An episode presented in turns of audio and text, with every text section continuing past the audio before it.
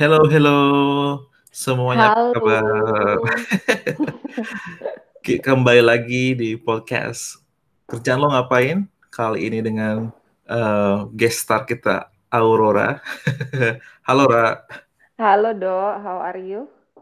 Good good. Rora ini salah satu tamu yang udah lama banget pengen gue undang, cuman baru kedapetan, eee, kebagiannya hari ini. Karena, eee, Karena jadwal Rora Rado yang penuh, bukan karena gua. Enggak lah, Rora mah juga sama-sama sibuk dan, eee, as you know lah, maksudnya apalagi di saat-saat sekarang ini, gue nggak ngerasa sebenarnya walaupun kita kerja dari rumah juga kerjaan juga nggak nggak terlalu berkurang juga sih, tetap sama aja workload-nya. Sama nggak di tempat lo juga gitu nggak, Be honest, gua emang merasa demikian. Iya ya, sedih banget ya, maksudnya kalau dipikir-pikir, eee, situasinya lebih sulit, tapi workload-nya juga tetap tidak terlalu berkurang. Jadi harus tetap bisa deliver. I By the way always itu sih tapi Do, commenting on that two sides lah. I Heeh. think it's it's a privilege to work from home. I think we should acknowledge itu. Tapi yang kedua emang selalu tricky. Um, I'm not sure with other roles, tapi at least kalau di product uh, management, especially for the product managers, ya for sure apa sih working hours-nya kan lumayan blurry ya jadinya. Iya. Emang di hari-hari biasa juga udah blurry, especially ketika lu nggak nggak ke kantor lagi gitu. Jadi Benar benar. begitulah Pas banget nih, pas banget lo ngomong tadi, sedikit jadi ngebocorin topiknya apa hari ini. Hmm. Jadi hari ini kita mau ngebahas tentang product manager role, ya kan, Ra? Eee, dan Rora adalah juga seorang product manager di salah satu unicorn di Indonesia, which is Traveloka, yang pastinya banyak orang udah ketahui gitu kan. Dan dan sedikit background dari Rora, gue manggilnya Aurora nih Rora, karena itu nickname dia dari dulu. Kita satu, eee, kampus dulu di Fasilkom UI, satu angkatan, terus boleh sedikit cerita nggak, habis dari Fasilkom lo ke mana aja, Ra? Sebelum akhirnya di Traveloka? Boleh boleh. Mmm, kita ketemu tahun berapa tuh, Do? Perlu disebut nggak nih tahunnya? 2004 lah, sebut aja nggak apa-apa. Sebut lah ya. Tahun 2004, eee, di Depok, di saat rambutnya Rado masih sama gondrongnya sama gua. Dan kan, bahkan orang kompetisi. nggak bisa bedain kita dari belakang, sekacau itu gondrongnya Rado dulu. Terus Rado lulus kan ya, Rado lulus, gue masih lanjut tesis karena sebelumnya gue sempat uh, take, took a detour untuk um, did an exchange tapi ya tetap berkaitan sama computer science juga. Balik-balik Indo satu satu semester nyelesain tesis terus bingung mau ngapain sih honestly do back then. Mhm.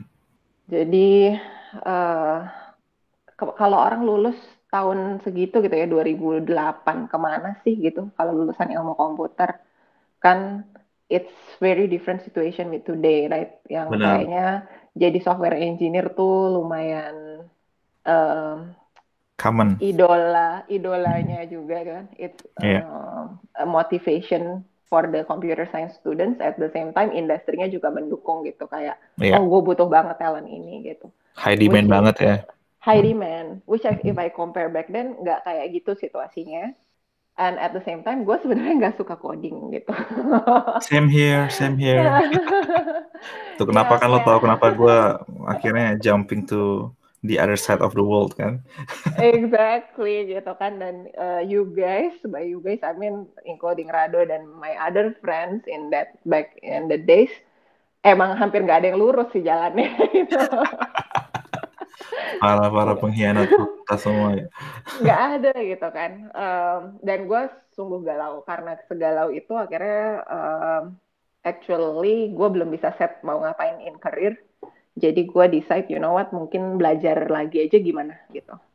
Mhm, mhm. that's why I did my masters Uh, in between sambil nyari masternya itu gue uh, bantu-bantu dulu di kampus Mhm. ada yang um, at times gue ngerjain bantuin jadi junior consultant juga di uh, ISIS project gitu. Um, ada juga kalanya gue emang ngerjain riset, ngelanjutin riset di di lab gue back then. Uh, Ini waktu lo yang ke waktu itu lo dapat Erasmus kan ya kalau nggak salah Erasmus scholarship gitu. Iya, itu baru dapatnya kayak setahun abis gue quote unquote gap year abis lulus bachelor gitu, Dok. Oh oke okay. oke. Okay. Gitu. Yeah. Jadi begitu lulus emang nggak langsung berangkat, gue ada kayak gap satu tahun tuh untuk sambil bantu-bantu di kampus, sambil persiapan mm -hmm. uh, ngerjain TOEFL segala macam sampai akhirnya dapet offer. I think I applied like almost 10 uh, dari 10 tempat yang gue daftar, gue dapet dua offer and I choose one of them lah. Gue pilih satu. Mm um, ya so lucky sih. Akhirnya gue did my masters uh, in natural language processing. Um, to be honest kalau looking back emang yang gue cari lebih ke jalan-jalannya. Iya sih. Kalau ya. Gue dapat sentimen yang sama dari banyak teman-teman gue yang juga uh, di master di Europe. Dan itu salah satu sebenarnya benefit juga. Maksudnya ya at the same time lo bisa belajar tapi juga bisa punya opportunity explore such a beautiful region gitu kan kontinen betul, yang betul. gimana mana deket dan gampang gitu kan. Jadi itu kayak jalan-jalan iya networking iya kan in, in a way kan jadi ada network baru di di, di kampus ataupun di uh, konsorsium tersebut. Um, at the same time pencarian jati diri juga iya gitu. Kayak if this if this works for me I'll I'll I'll do it further gitu. Kayak yeah. kalau masternya oke, okay, mungkin gue akan consider PhD, etc. etc. gitu. Yeah. Um, if it doesn't work, at least I gave it a try. gitu sih. Um, kalau mungkin cepat aja ya ceritanya. Jadi after I went to the UK, jadi waktu itu kan di UK um, hmm. satu semester sempat di Prancis juga. Somehow ada karena dua tahun programnya, berarti ada satu summer. Di satu summer yeah. itu uh, I was in a situation kayaknya better kalau gue cari internship opportunities. Hmm. gitu. Kayak daripada gue pulang tiga bulan di Indo nggak ngapa-ngapain yeah. why don't I take this opportunity? Kayaknya sayang banget gitu kalau nggak diambil. Terus lo ke mana waktu itu internshipnya Uh, again, I applied to 10 places. Kayaknya 10 is wow. always my number. Yeah, this is like Aurora's playbook. 1 to 10. Yeah. You're looking for one role, one job, but apply to 10. At least 10 gitu. Karena at least ratio, yeah. success rate gue kayak gitu. gitu kan. Kayak kemarin waktu apply sekolah nggak selancar itu. Gue apply 10, dipanggil 2 gitu. Jadi gue apply 10 lagi nih um, untuk summer internship gua di quote unquote diproses oleh dua tapi hmm. cuma satu yang benar-benar serius gitu nge nge ngeprosesnya dengan consideration kan gua international student so mm -hmm. the other company uh, knew, knew that I'm an international student they try to accommodate tapi somehow mereka kebentok kebentrok business process di mana they don't understand how to translate my my academic scores yang di Indo gitu Hmm, I see. Jadi kayak ya lumayan, you know, uh, unfortunate sih. Uh, that there is still that kind of uh, barrier ya untuk international student um, to be process or to get such opportunity. Nah, with that ya udah gue dapet uh, opportunity di Goldman Sachs uh, di London office wow, yang okay sungguh gue nggak paham bahwa ternyata di tempat itu bahwa di investment banking yang namanya summer internship always translate to at the end of the internship you get an offer or you don't get an offer gitu. Ah oke, okay. same thing dengan consulting firm sih, karena biasanya emang kayak at the end of internship tiga bulan gitu, mereka dapat semacam kayak offer apakah lo mau nanti permanen gitu. So jadi mm -hmm. di IB kayak Goldman Sachs juga gitu ya? Mm -mm. Uh, okay. Untuk semua division even. Jadi kan back then gue oh, apply-nya wow. karena buat internship dan harus pilih dua um, department, gue pilih dua. Satu yang uh, close to my core at least background ya gue apply-nya teknologi. Mm, uh, okay. the the second one yang menurut gue ya I think I can do it with zero knowledge gitu, uh, which is operations.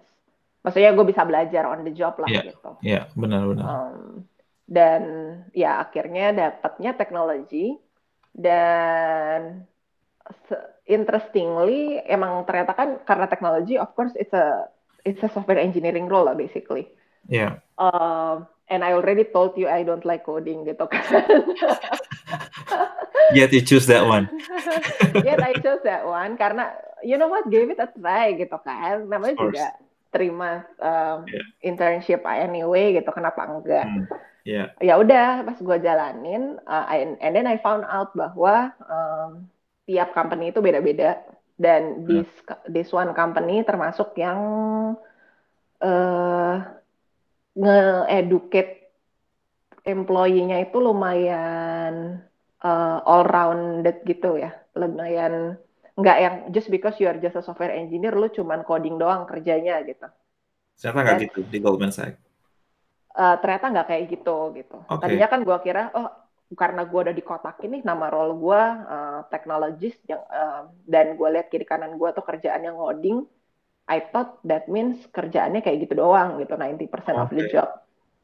Jadi Tapi apa aja yang pelajarin? Yeah. Huh. Mm -mm, realitinya coding tuh kayaknya cuma 50% deh of the job. Oh, wow, uh, oke. Okay karena we were involved uh, meskipun itu cuma tiga bulan gue kan diassign kayak mentor gitu tapi because this is my project in a way ya gue project manajernya juga gitu. Gue yeah. project manajernya juga gue bisnis analisnya juga gitu. Bisnis slash system analisnya um, dan gue juga yang nge-QA jadi lumayan end to end um, dan ya yeah, I was gimana ya kan karena kita spend berapa sih ber 144 SKS I don't know back in college gitu untuk yeah, untuk betul. computer science tapi SKS benar iya tapi kan aplikasi di industrinya kan uh, eh, gue ngerasa sangat minim lah exposure-nya dengan 144 SKS itu gitu. Setuju gue. Jadi dengan tiga bulan internship itu gue sangat merasa oh ternyata ada gunanya itu 144 SKS gue. Maksudnya I can see the pieces gitu kayak oh ini oh ini dipakainya ketika ini oh ini dipakainya ketika ini gitu. Um, yeah, yeah. dan jadi lebih berasa real applicable gimana sih sebenarnya yang dipelajarin di computer science itu dilakukan diaplikasikan di dunia kerja? Dan itu sih. ya dan Goldman Sachs mm. itu kan an investment bank banking era. Uh, mm -mm, mm -mm di opportunity waktu lo internship di sana, lo hmm. juga dapat semacam knowledge tentang the industry itself nggak? Maksudnya ini it's a very uh, finance heavy industry kan. Betul. Uh, dan core kerjaan lo kan lebih di technical side untuk ibaratnya uh, software development in that company. Tapi at the same time lo juga mendapatkan semacam understanding tentang the overall business si company ini nggak ketika lo di sana?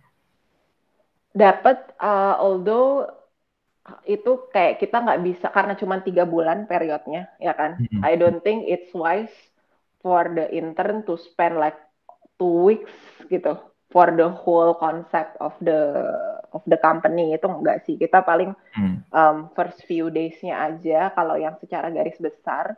Tapi di the cukup uh, sepintas yang garis besar tapi di project yang dikerjakan itu memang projectnya finance kan yeah, uh, yeah. project banking juga. Jadi the deeper understanding lebih uh, mengerucut ke area yang gue pegang gitu. Yeah. Di mana saat itu misalnya gue tuh masuknya di tim one of the uh, back office-nya. Jadi yeah. dia banyak ngurusin accounting-nya gitu ya. Jadi ada beberapa konsep akuntansi yang perlu dipelajari.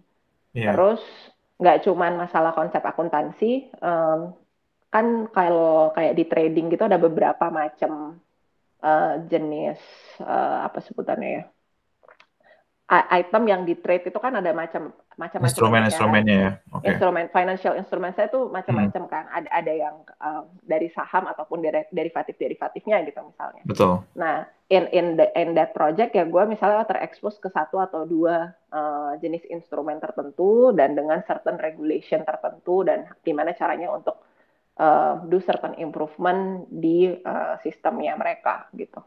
Okay. Jadi knowledge-nya uh, uh, overview of of the investment banking yes, tapi lebih banyak uh, deeper di uh, project yang diberikan. Oke, okay. interesting, gitu. interesting. Dan lo tiga bulan uh, sini, terus abis itu abis selesai internship, lo balik lagi dong, lanjutin S2 lo tadi? Betul, satu tahun. Tapi yeah. gue balik S2 dengan lega gitu. Karena at the end of internship, I I was so lucky and got the offer for the Oh, nice. So, yeah, yeah. Gitu. Um, which I said yes karena yang tadi ya dok kan um, despite the fact gue nggak gitu suka the, the coding part um, hmm. sebenarnya salah sih untuk bilang gue nggak suka coding per se lebih lebih lepatnya um, I like applying the logic to the code kan karena ujung-ujungnya itu problem solving kan um, what I don't really enjoy itu kalau misalnya kalau udah harus fine tuning beyond the logic. Hmm. Kayak oh ini kalau mau scale gini gini gini gini gitu loh kayak oh oh kalau mau should we use this language or that language that kind yeah. of thing to me kayak ya terserah deh ya di belakangnya diurusnya kayak gimana gitu. kayak gue tertariknya adalah kalau bisnis logiknya kayak gini berarti secara technical implementation logiknya kayak gini gitu.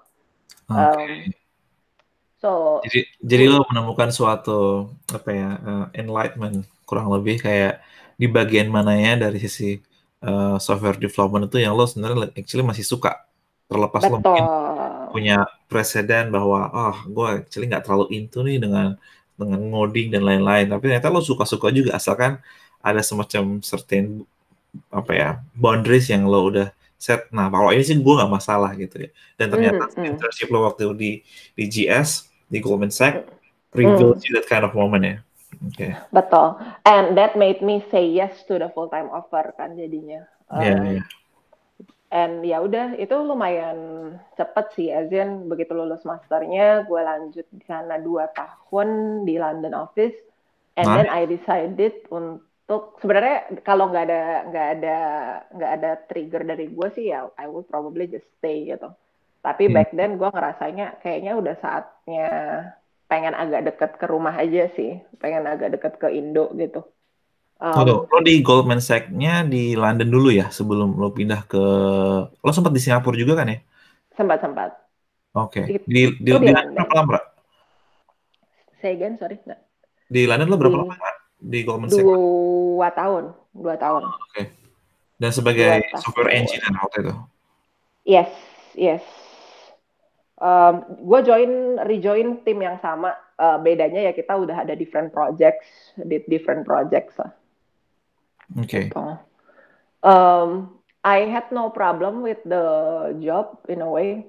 Cuman gue bener-bener lagi ada pengen aja gitu um, closer to home.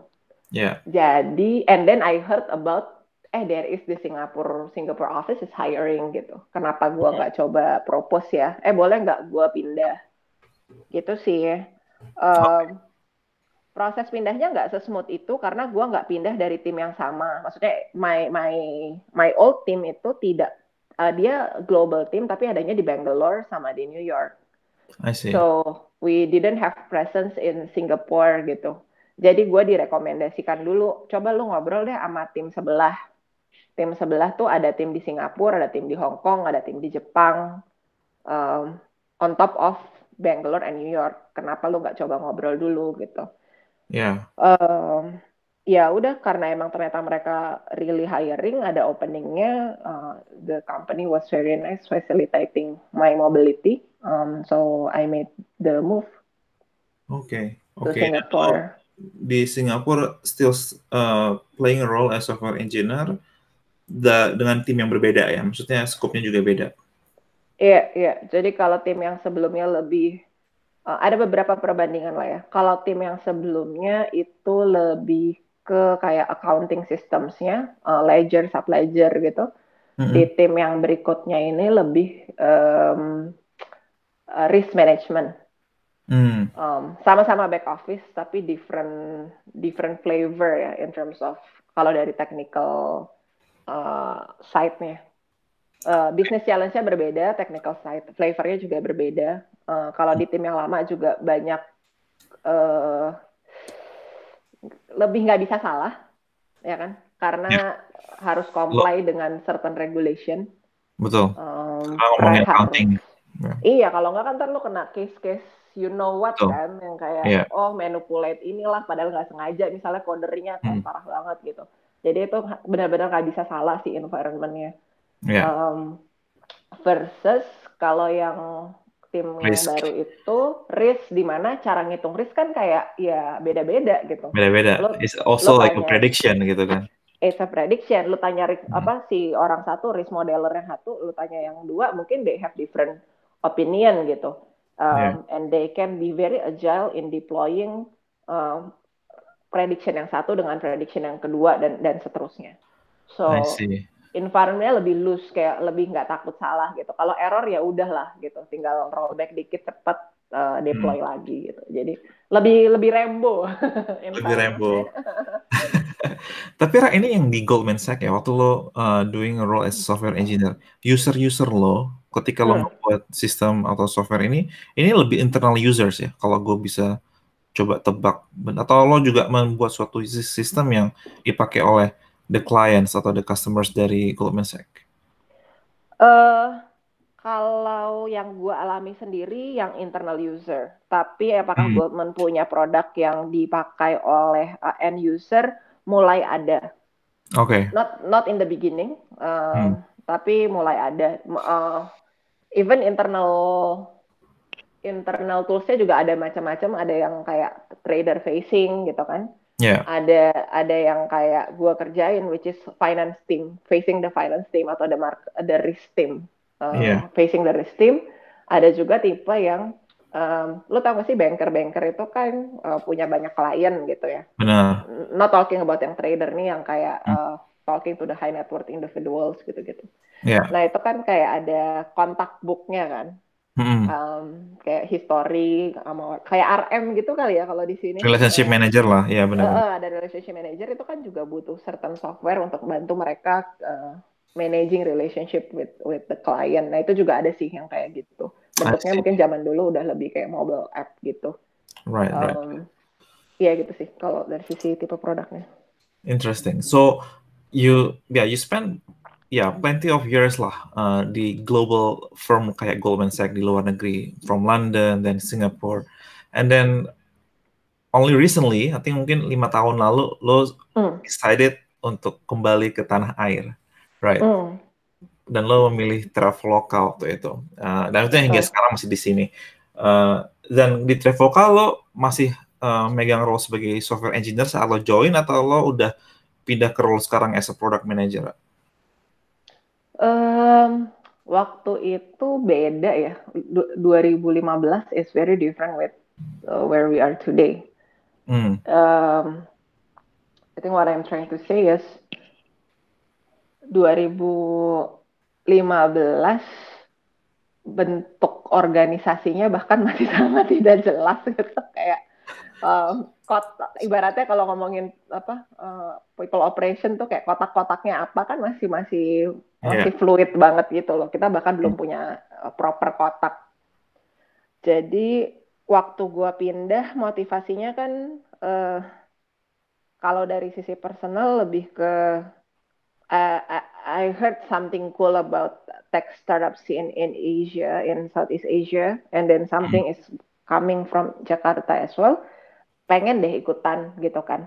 Hmm. Uh, jadi waktu gue ketemuan sama Traveloka back then sih nggak banyak nggak banyak request ya dari gue. jadi in terms of role gue cuma bilang ya pokoknya gue don't this is my background gitu kan. Yeah. This is my background. Kalau emang lo tertarik dengan profile gue ini, uh, then great. Tapi gue nggak mau jadi engineer gitu. Sesimpel oh. itu. lo udah bilang di awal ya tentang ekspektasi lo kalau lo pengen tidak lagi dalam uh, role yang terkait software engineer, I see. Iya, yeah, so I made it clear lah mas bahwa hmm. gue tahu yang um, yang enggak tuh yang ini, yang lain kita bisa diskusikan gitu. Jadi just tell yeah. me lu lagi butuhnya apa. Iya, yeah, iya. Yeah. Gitu sih. Jadi since then the role has been evolving ngikutin company needs. Kan dulu kita masih kayak berapa sih 200-an orang. Um, now 10x of that lah at least. Jadi wow. jadi waktu itu uh, I think the first three months really about uh, project management masihan. Project management um, do some business analysis untuk uh, teknologinya uh, city marketing. And then um, dari situ baru jadi karena udah do some initial analysis tadi kan jadi kelihatan kan dok? Kayak oh ini gapnya kalau lu mau achieve this kind of goal, imagine lu kayak consultant datang ke suatu company gitu. Mm-hmm. Oh, lu mau achieve ini gitu. Oh, then that means uh, we are lacking these building blocks. Then how to set up these building blocks? Oke. Okay. Gitu.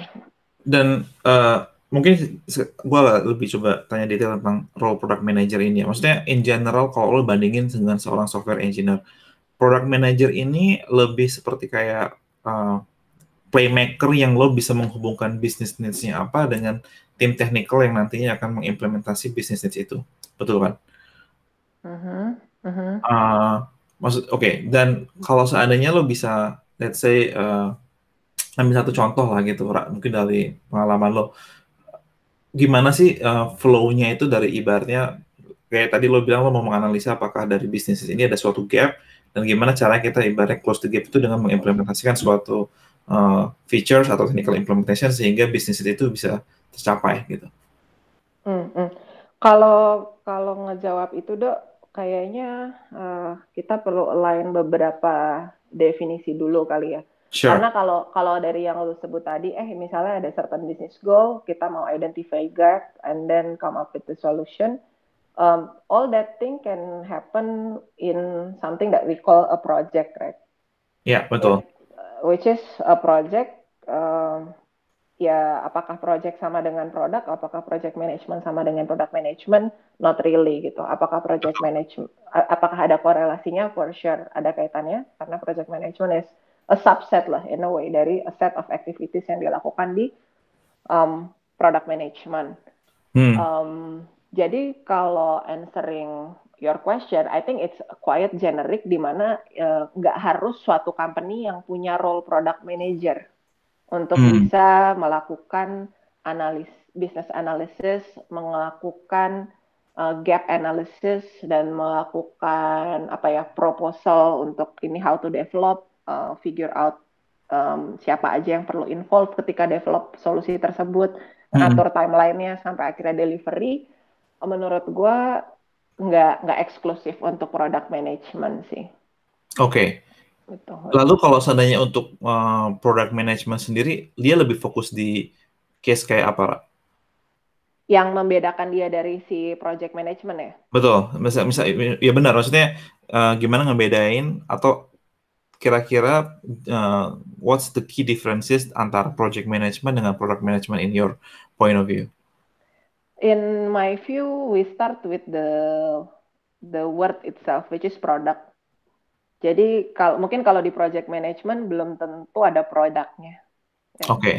Kalau right. di product management ya judulnya aja it's managing a certain something that it's called product. Hmm. Um, so so that's ya again sorry gue mundur dikit kalau project management yang di manage hanyalah projectnya dan apakah ya. projectnya yeah. berkaitan dengan suatu produk bisa iya bisa enggak betul kalau product management ya udah jelas yang di yang di manage itu memang produknya then we need to agree lagi nih what do we mean by a product karena uh, why definition matters the way I see it uh, not everything is a product right um, yet almost everything is a product. lo gitu karena konteksnya lo di sebuah tech company. Kalau kayak tadi itu kan misalkan kalau di previous company kayak di Goldman Sachs kan lumayan mm, mm, mm. bisa apa ya uh, maksudnya emang ada perbedaan antara project management dengan product management karena Goldman Sachs is not a tech company in a, in a way kan. Jadi ya mungkin mereka punya project macam-macam di berbagai macam departemen gitu kan. Hmm. Tapi ketika lo di di tech companies a lot of I mean a lot of cases ketika ngomongin project manager dan ketika lo ada dalam se sebuah tim produk most likely is gonna be a product uh, management gitu ya berarti. Uh, ada dua hal di situ ya. I would actually disagree when we say uh, Goldman Sachs is not a tech company. Oh, Karena yeah? okay. the the only reason uh, it has a competitive edge di di dunia trading since I don't know early 90s or even before is because they invest a lot in technology. Jadi all the brain powers zaman belum ada AWS mereka udah punya udah punya computing cloud gitu. Kenapa? Uh, okay. Karena ya itu diperlukan uh, untuk uh, calculate all those risks untuk you know kan make prediction segala macam betul. nggak um, bisa rely ke spreadsheet doang gitu kan. It, re yeah. it requires a heavy computing. So um, yeah, I wouldn't call uh, Goldman cuman ada project management because there was it's not a tech company. That's not I'm trying to say. Jadi lebih ke uh, justru gue bisa bilang um, not everything is a product yet. Almost everything is a product lebih karena background gue yang engineering tadi. Mm -hmm. um, Di mana kalau misalnya uh, yang ngebedain sesuatu tuh produk apa enggak tuh apa sih dok kira-kira? Menurut menurut gue sih itu karena ada yang pakai apa enggak kan?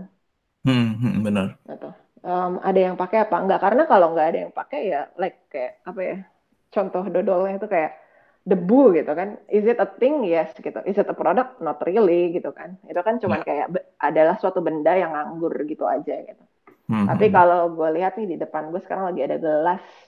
Is this a product? Iya, karena it has certain, um, it serves certain functionalities gitu. Ada use-nya, right. ada gunanya.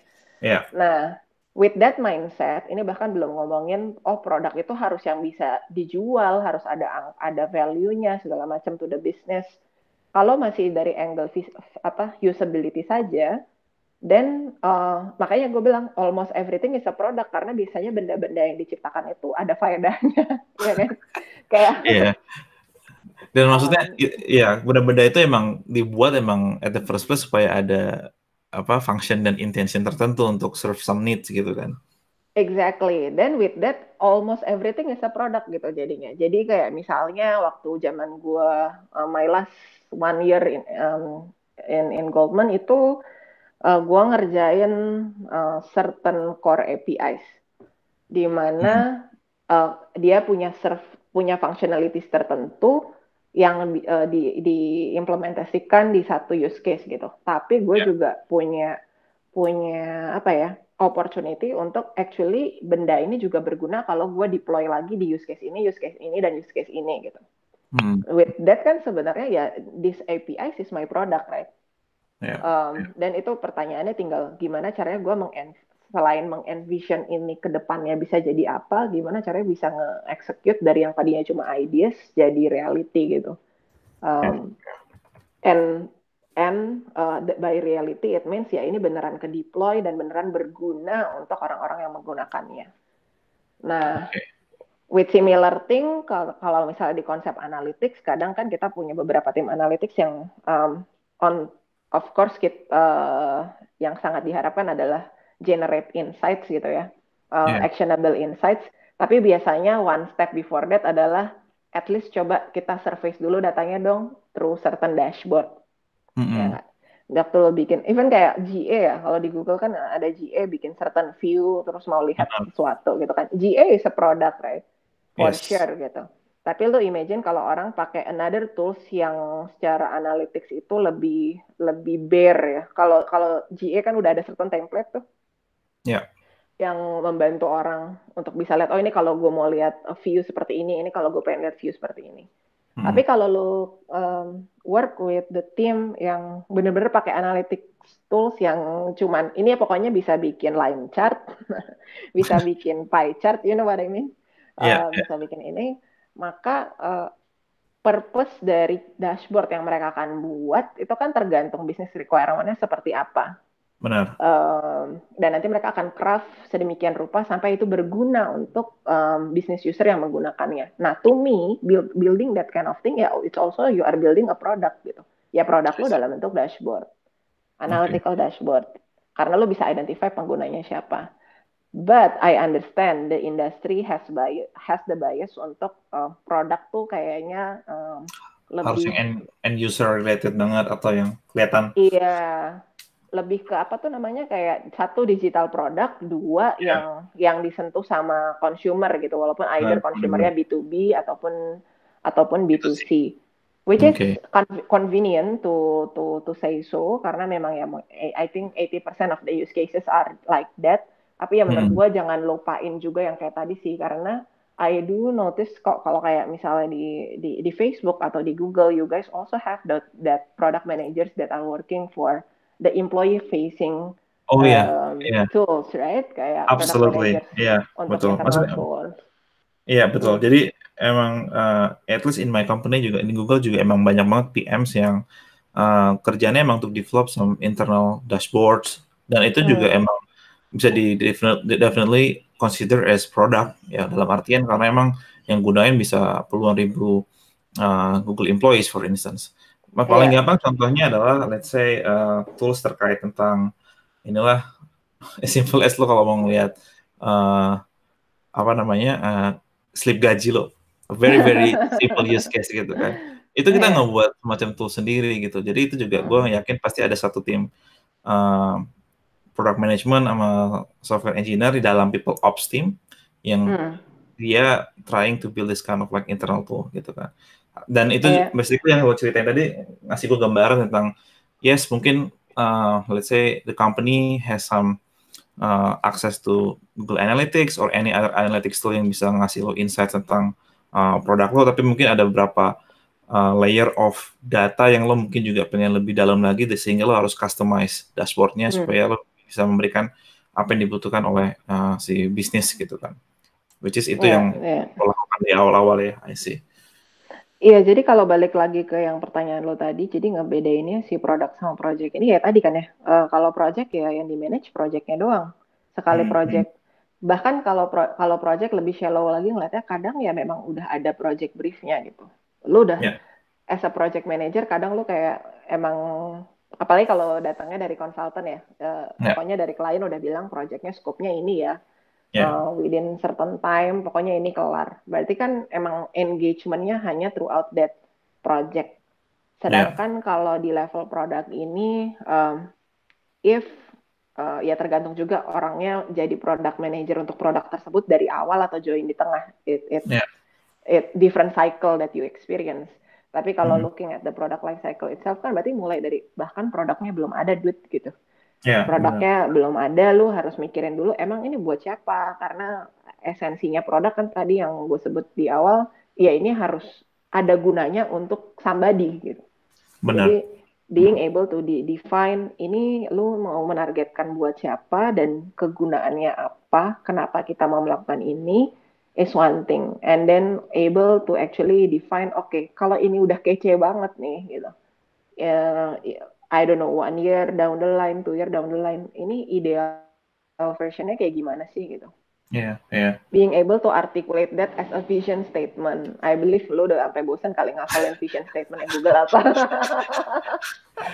Iya, iya. Tapi Ra, di, di, di, di, di pengalaman lo ya, maksudnya kadang-kadang kan kita tahu lah, let's say company vision statement. Tapi kan ketika lo udah masuk ke dalam sebuah organisasi yang mungkin produk vertikalnya banyak, do you usually have that kind of uh, vertical vision statement juga? Atau gimana sih kalian itu bisa Iya, na- iya, navigate gimana ya the broader level of company statement, vision statement, and then cascade it down sampai di level ya setiap vertical business atau vertical product yang ingin dilakukan company itu. Eh, kalau dari sisi vision statementnya sih, gue tidak melihat dari company statement terus setiap orang turunin masing-masing itu enggak. Biasanya agak Hmm. kebalikan. Jadi Oke. we are a bit balancing. The way I see it, it's better to balance between top down and bottoms up juga. Hmm. Jadi um, kalau sampai suatu tim dibentuk kan artinya com- a company already put a trust on hey this needs to be done right this Yeah. particular thing whatever it is a, a vertical product uh, a, a horizontal product a certain endeavor gitu pastinya kan udah kayak diinvest kan oke we Yeah. know we need this karena apa and it I think uh, I like to see it as it's a job of the product manager untuk bisa um, articulate that vision statement Hmm. Yang kenapa nih jadinya nih penting nih nge- ngerjain ini gitu. Dan ketika Iya. mengartikulate itu, of course karena why-nya itu juga it's still under the same company ya pastinya ujung-ujungnya so that-nya tuh, so that Hmm. titik-titiknya itu pasti ber, eh, ada kaitannya kan dengan company objektif Yeah, I see. gitu. Kalau ngomongin a day in the life product manager, Ra, boleh Hmm. cerita nggak? In lo lo nge-reference-nya zaman inilah pre-covid gitu ya, a normal situation Pre-COVID. gitu. Nah. how does a yeah product manager do within a day gitu Like, what do they usually like you know do in Hmm. general Oke, kalau gue reflect back, gue gue personally, uh, I think I spend 10 to 15 uh, percent of my energy Yeah. um, itu uh, doing the hands-on product management, which I will elaborate later. Mm-mm. Um, tapi 85 to 90 percent actually my job mostly untuk ini sih, Do, empower the other product managers gitu. Um, empower the product teams that's uh, under under my care lah, under my area. Jadi gimana Okay. caranya untuk um, first and foremost the product managers because they are the one yang report directly to me. Tapi kan Okay. mereka nggak bisa kerja sendirian kan, mereka kerja sama desain, sama data, Hmm. sama engineering, Mm-mm. sama marketing.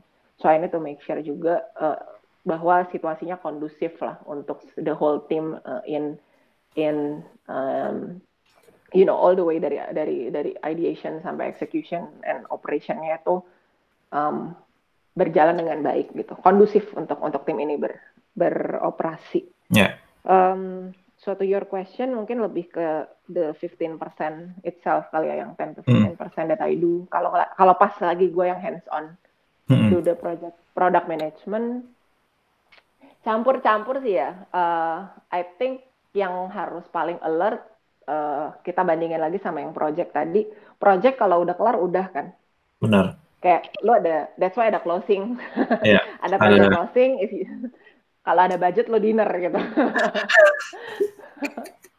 Benar, itu kalau itu kalau project Nah, kalau produk ya of course pas lagi ada project mungkin kita can do the same ritual tapi begitu produknya ah, projectnya udah kelar kan artinya the feature or anything is is is in the production environment which means uh, things can always go wrong at any time gitu Yeah. kalau eh, kalau kita nggak put enough prevention in place.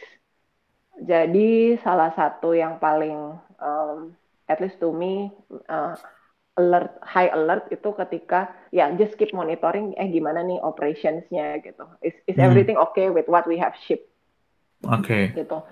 Is everything okay? Um, at the very minimum dari functionality level dulu lah kayak ap- apakah ada ada ada error-error, apakah ada Hmm. ada yang komplain, apakah ada unintended consequence that uh, dari certain release yang baru saja kita lakukan gitu-gitu. Ya. Um, karena kan of course kalau go live kan lu pastinya ngerasa oh kayaknya gue udah do all the check kan A B C udah Benar. dicek nih semua gitu. Tapi you'll never know what if you did miss something during during that uh, release process. Ya.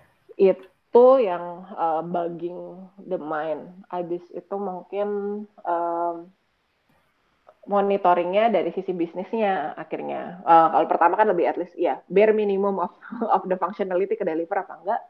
Yang kedua, oh if we do, do this, actually it impacts certain metric kan, um, baik Ya. itu usage-nya ataupun um, uh, let's say karena kita e-commerce juga transaction contribution-nya gitu-gitu. Benar. Apakah ada certain dari certain metric itu ada yang tahu-tahu turun atau tahu-tahu naik? Karena regardless we need to check kan. Kalau mendadak turun karena apa? Ya. Um, how Oke. to how to make it back at least to normal. Kalau itu tinggi pun jadi naik karena apa gitu kan? Because we want to know how can how can we if it's a good thing then how can we scale it um, in other areas or scale it further. Oke. Itu Dan- dari sisi monitoring. Mm, mm, mm. Dan ya dan waktu lo bilang monitoring kayak let's say udah go live gitu kan dan lo lo terlalu mau mencoba identify if there are any bugs identify dan lain itu masih dalam scope tim lo within, within the product management atau memang udah ada satu tim lain yang memang untuk ngurusin kayak hal-hal apa yang basically mungkin broken at the consumer side atau at the user side. Dan nanti mereka akan memberikan informasi itu ke produk mungkin nanti produk akan omongin ini dengan software engineers dan juga mungkin akan ngomongin ini dengan marketing untuk supaya mereka tahu tentang mungkin akan efek apa terkait terkait tentang user kita yang mungkin marketing atau PR harus tahu. Is that the kind of like role Hmm. juga yang product manager harus lakukan? Uh, when I say uh, product team, it encompasses uh, the whole functions. Jadi nggak Okay. cuma si pro- product manajernya doang. Oke. Uh, but I do expect the product manager to be the one yang aware bahwa ini checklist gua gitu. Ini checklist untuk gua make sure produk gua baik-baik saja. I see. So some of the metric probably delegated to the engineering team within that product team. Some hmm. metric probably ya memang sudah di-create monitoring dashboardnya sejak awal, jadi nggak perlu nyusahin orang lagi untuk bikin-bikin something, tapi tinggal dimonitor aja metriknya. Yeah. Some yeah. probably coming from our customer service team, as you say tadi. Apakah yeah. ada tim lain? Ya ada, kayak ada tim customer care, um, which let's say kalau itu critical, they they will escalate to us at the soonest.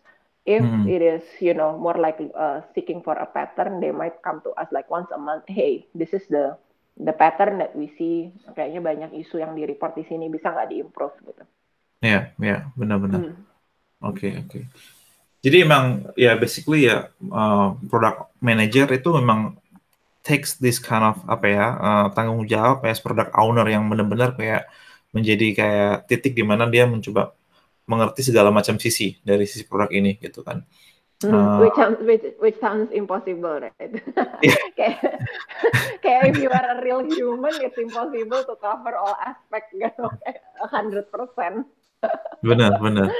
Dan dan itu dan itu gue banyak kayak sering melihat, at least dari apa yang gue lihat selama ini di company gue, hmm. uh, there is a high uh, effort to collaborate as a product manager. Hmm.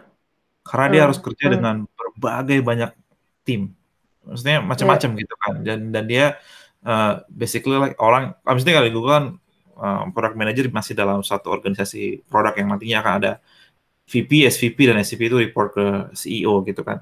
Uh, mm.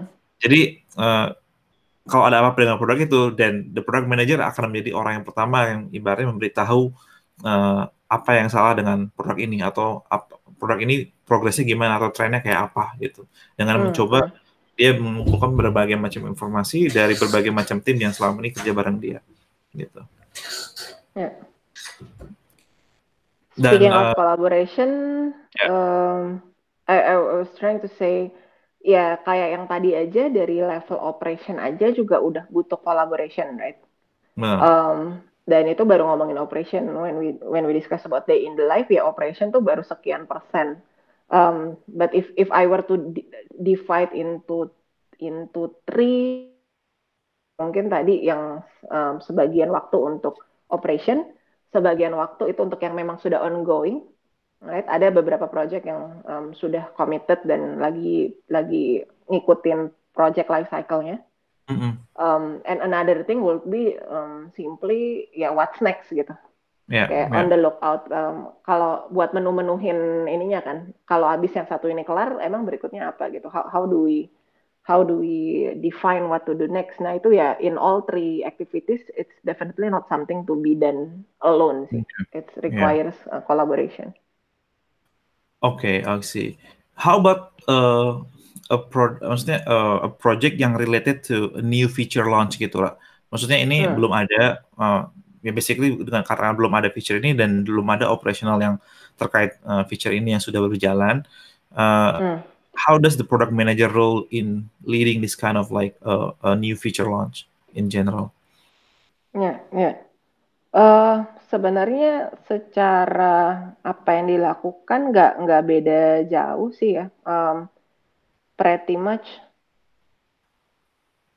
sama in the sense uh, kalau barangnya belum ada ataupun sudah ada memikirkan ini barang sebenarnya buat siapa dan harusnya bergunanya apa dan ke depannya akan berkembang seperti apa that's the way I see it it's the same thinking that should be applied baik itu untuk barang yang baru mau menetas ataupun barang yang sudah ada gitu karena even hmm. barang yang udah ada itu uh, kalau misalnya kita nggak keep thinking um, about ini harusnya kayak gimana dan um, balik lagi taking a step back nanti bisa trap ke ini kan ya dok balik kayak ya udahlah do incremental improvement aja gitu mm-hmm. kan udah ada gitu tinggal dipoles-poles dikit poles-poles mm-hmm. poles-poles gitu.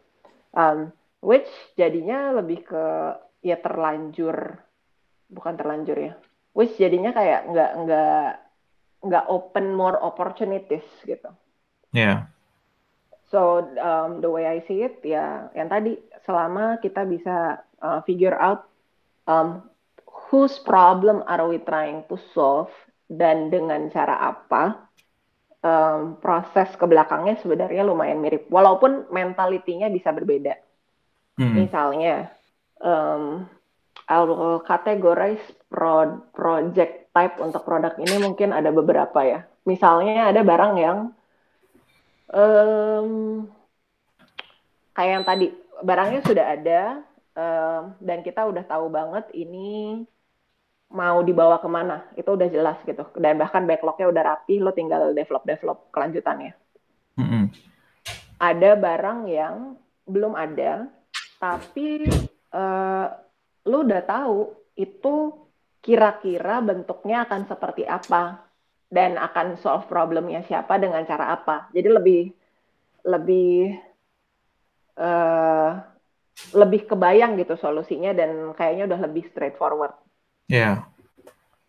Uh, tapi ada juga yang uh, oke, okay, gue raba-raba udah ada nih bagi, bagi gue, I mean us as a team gitu ya. Kita lihat nih kayaknya udah ada nih uh, problemnya. Kita validate nih kayaknya beneran ada nih problemnya. Yang kita belum hmm. yakin solusinya bener bener bisa ini apa enggak ya? Mungkin um, if we can fail as fast as possible then great kan. Kalau bisa masih fail di level kertas gitu. Yeah. Um, tapi at times ada juga project yang ya lu nggak bisa karena kalau orangnya cuma lihat kertas atau certain prototype, it doesn't reflect the reality gitu. Hmm. Nah, jadi hmm. kita nggak kita nggak benar-benar tahu jadinya ini bisa ada um, take up rate-nya gimana. Um, hmm. Sehingga ya memang ya udah kita dari awal create um, the product with certain assumptions di mana assumptionnya gitu ini ya. hmm hypothesis di mana ya perlu divalidate-nya ya uh, of course secara effort kita usahakan yang semurah mungkin gitu kan yeah. se secepat mungkin untuk bisa rilis. But at the same time being very honest karena ketika roll out ya you you have to monitor juga kayak bener nggak sih asumsi-asumsi kita still holds or not? Kalau iya kita bisa continue to invest. Um, kalau enggak ya ya be honest and kill that feature and ideate again gitu. Kalau memang kita yeah. masih believe problemnya ada tapi solusinya yang kurang tepat. Agree. Yeah, I think I think that's a very good point sih tentang yang lo bilang tadi tentang ya yeah, it, it all needs to start with problem apa yang mau di solve kan dan ketika lo mencoba design the solution ya kalau emang itu harus dibuat dalam bentuk MVP ya kalau bisa MVP-nya jangan sama pakai terlalu banyak effort sampai val, apa validasi hipotesis itu terbukti atau tidak gitu kan kalau terbukti ya bagus dan ntar akan ada enhancement here and there gitu kan untuk untuk mm, mm, solusi mm. itu gitu ya. terus uh, ini gue sering dapat pertanyaan sih dari teman-teman gue kalau misalnya seorang product manager do mm. they really require a technical uh, software developer background perlu Aduh. bisa ngoding nggak sih gitu ya itu pertanyaan bakal sering banget ditanyakan product manager tuh perlu bisa ngoding nggak sih? Gitu. Oh, coba can you yeah, can you uh, yeah, answer the, the myth of that. Kalau pertanyaannya perlu bisa ngoding apa enggak jawabannya jelas nggak perlu. Itu hmm. for sure. Yeah um, tapi uh, if I were to understand the question beyond that gitu ya mungkin yeah. lebih perlu punya technical background nggak sih? Mungkin that's gonna be the follow up question. Perlu yep. pernah ada technical experience atau enggak gitu-gitu? The answer is no. Itu uh, my personal opinion, nggak perlu. Hmm. Tapi um, apakah mereka yang punya technical background akan punya certain benefit? Of course gitu. Hmm. Benefitnya in, in what way, Ra? How do nah. how do these people with technical background can benefit from that kind of experience? Mm -mm. Um, yang akan punya benefit tapi nggak cuman people with that background ya by the way. Jadi uh. mungkin kalau kalau kalau googling googling one of the um, the famous apa buletan tiga biji itu kan selalu yang apa uh, business user and technology. Iya. Yeah Right, those are the tri triumviratnya product management. Hmm. Selalu ada tiga aspek tersebut. Hmm. Um, ketika dan menjadi konsiderasi ketika produk di, di develop, menjadi konsiderasi ketika assemble the team, menjadi hmm. konsiderasi ketika figure out what kind of uh, product manager that is suitable to this kind of product. Nah, Ya, karena ada tiga yang tadi, menurut gue sih masing-masing background yang tadi pun, business user dan tech, kalau ada PM dengan one, at least one of that uh, background, they will benefit. Hmm. Jadi um, nice. makanya kalau yang tadi kita spesifik ngomonginnya punya technical background. Ya, kenapa? Karena lu di mana pun in decision making, oke okay, mundur. Kerjanya pun bersama role yang at least care terhadap tiga hal tersebut, ya kan? Secara iya. technical, yeah. visi apa visibility-nya gimana, secara usability-nya ini make sense apa enggak, secara bisnisnya ini make sense apa enggak, gitu kan? um, orang-orangnya juga uh, your engineers, your designers, your business stakeholders, those are the kind of people we are dealing with in day to day. Yeah. Sehingga kalau lu punya technical background, at the very least lu punya bahasa yang sama ketika ngobrol sama um, the engineers. Benar. Hmm. They they understand what you are trying to say, you understand what they are trying to say. Jadi memperlancar uh, relationship building dan um, kerja bareng ya collaboration. I think keywordnya always collaboration. Yeah. Similarly, kalau lu punya uh, business experience gitu atau punya MBA degree, I think that's that's one of the common recipe these days kan. Oh, yeah. preferably a technical background with an MBA, you know, for being a product manager. Saya mau pakai nasi goreng pakai telur tapi sama daging juga ya, Mbak. nasi goreng komplit. Kenapa gue nasi goreng nasi komplit uh, with with a vegetarian dish on the side gitu. nasi goreng kambing with vegetarian dish on the side gitu kan.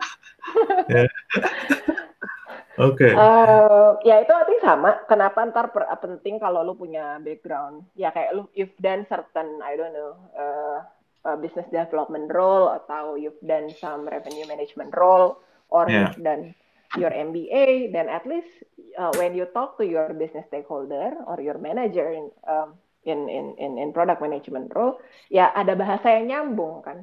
Benar, benar. Gitu. Ada ada ada pengert ada fundamental fundamental yang lu juga paham uh, gimana cara menginfuse ideas tersebut dalam decision making lo. Um, similarly dengan uh, yang user atau design background, uh, mungkin agak lebih lebih um, digital design lebih agak susah nyari orang yang punya background ini these days ya. Hmm. Um, tapi ya bukan berarti nggak bisa. What I'm trying to say, kalau emang dia backgroundnya tadinya product designer dan pengen um, try another path as project product manager, ya it's also a beneficial for him or her untuk yeah. uh, ya udah nanti kalau di project-project itu gue ngobrol sama desainernya cepet gitu kan, ngerti banget nih step-stepnya yang yang user behavior tuh artinya apa. Uh, design thinking itu seperti apa, uh, how to infuse that in the product development process, hmm. gimana caranya bikin engineer gua sama sama apa business stakeholder gua tuh bisa mengerti si desainer nih ngomong apa gitu kan. Iya, iya, iya, iya. Benar-benar. I think I think this is a very good apa ya uh, explanation tadi yang lo bilang tentang how product manager tuh usually sees three things tentang bisnis, users, and technology. Karena emang memang dari tiga hal ini yang menjadi critical dari seorang product manager untuk bisa deliver a great product ke users gitu. Karena dia harus mengerti ya produknya nggak cuma harus bagus, tapi basically itu juga harus impact kepada bisnis, but at the same time dari si user mereka juga happy nggunain produknya. Dan hmm, hmm. itu itu yang gue ngerasa kayak ketika lo menjadi seorang product manager lo punya punya semacam maksudnya orang punya ekspektasi bahwa orang ini punya semacam holistic view tentang produk ini harus seperti apa gitu. While at the same time dia juga bisa menjadi orang yang kayak tadi yang lo bilang collaborate dengan berbagai macam teams sehingga the goal of the product can be delivered. Yeah. yeah. Which is why uh, a certain background is good untuk yang tadi. Kalau dari mm -hmm. one of those three background, I think akan jadi ada advantage tapi nggak yeah. mandatory gitu kan nggak harus yeah. gitu asalkan on the job the person is willing to learn about all those three things yeah, setuju karena setuju. kalau lo avoid satu aja dari tiga ini then it it won't make you uh, as great as others who are trying to understand all these three things ya benar banget benar banget benar banget makanya sebenarnya gue juga uh, uh, waktu ngelihat orang-orang dengan role sebagai product manager terus ngelihat latar belakang dia is is a, hmm. is interesting to know that it's a mix ya maksudnya ada orang yang bersama sama sekali dia tidak pernah punya technical background tapi dia juga mungkin kuat di bisnis. Dan sebaliknya juga ada yang mungkin kuatnya hanya di uh, maksudnya dia hanya tidak kuat di uh, bisnis tapi kuat banget di technical background dia juga bisa jadi seorang product manager. And at the same time tuh misalnya orang lain dari product design juga bisa jadi product manager. Jadi uh, it actually tells about yang tadi lo bilang bahwa as long as you have one core strength dari salah satu tiga itu dan lo willing untuk mempelajari dua hal lainnya then it's hmm. actually good enough for you to be a good product manager. Iya, yeah, iya. Yeah. I think it boils down ke belajarnya tadi tuh kalau kalau bisa gini ya. I think ada ada beberapa cara belajar. Ada yang tipenya uh, langsung comot framework. Mm -hmm. And that it's there's nothing wrong with that. I think some people learn it that way kan kayak oh um, gue pengen ngerti soal uh, technical oh gue comot certain framework dari sana gitu tapi hmm. dari sana ada an alternative way of seeing it. Menurut gue ya udah try to understand fundamentalnya aja gitu. Dari tiga hmm. hal ini sebenarnya apa? Um, if I can summarize kayak yang tadi ya, kalau bisnis, bisnis maunya apa sih at the end of the day? Right, hmm. at the end of the day towards profitability, growth and profitability gitu. Yeah. Tapi ya pertanyaannya lebih ke ya udah try to understand your business. Your business sekarang lagi ada di step mana?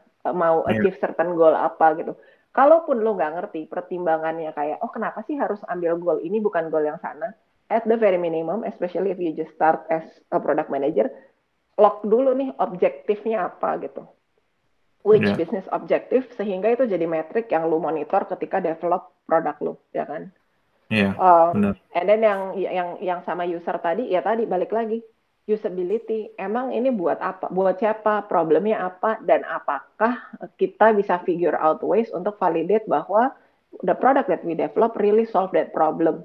You may hmm. not have all the tools. You will you will work with the designer anyway. Jadi yeah. ya work with your designer tanya sama dia gitu. Kenapa menurut lo ini bisa solve product problemnya? Kenapa menurut lo ini nggak bisa solve problemnya? Hmm. kalau nggak bisa what are the other alternatives that we have? Right Yeah. Dan untuk untuk yang engineering ya yang tadi lu nggak perlu bisa coding. Ya kan? Tapi I think the bare minimum adalah oke, okay, kira-kira kalau gue mau nge-build ini perlu komponen apa aja sih? Gitu kan. Oh, yeah. perlu ada modul A, modul B, modul C, connect-nya kayak gini, kayak gini, kayak gini sequence of development-nya bikin bikin pondasinya dulu, terus uh, bikin lantai satu baru lantai dua, terus uh, please tell me guys kira-kira untuk bisa nyelesain ini butuh waktunya berapa lama, hmm. gitu kan? And then start some negotiation on, aduh tapi kita cuma punya sebulan, kalau cuma punya sebulan, um, cara potong-potongnya gitu, kayak scoping down-nya itu um, bisa seperti apa? Yeah, yeah. Uh, dan lagi-lagi begitu tadi kan as if kita ngobrolnya in silo ya dengan ketiga belah pihak itu. Mm-hmm. Nah itu it cannot be like that gitu karena begitu lo udah dapat informasi dari masing-masing tadi itu harus diaduk jadi satu lagi kan. Di mana nah. semua semua pihak jadi ngerti lagi. Actually karena ini problem yang nggak bisa ke solve kita harus alternate ambil alternate yang ini gitu dengan cara ini untuk nge-solve.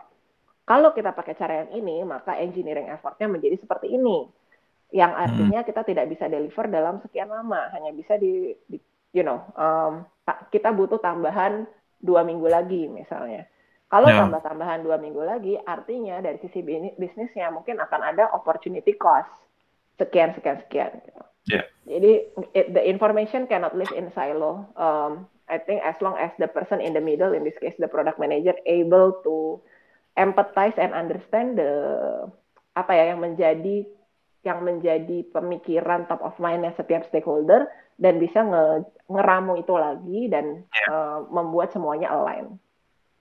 Dan ini juga yang gue pernah dapetin uh, kayak semacam testimoni dari teman gue yang PM bahwa hmm. di sini dia role ini dia jadi belajar banyak banget.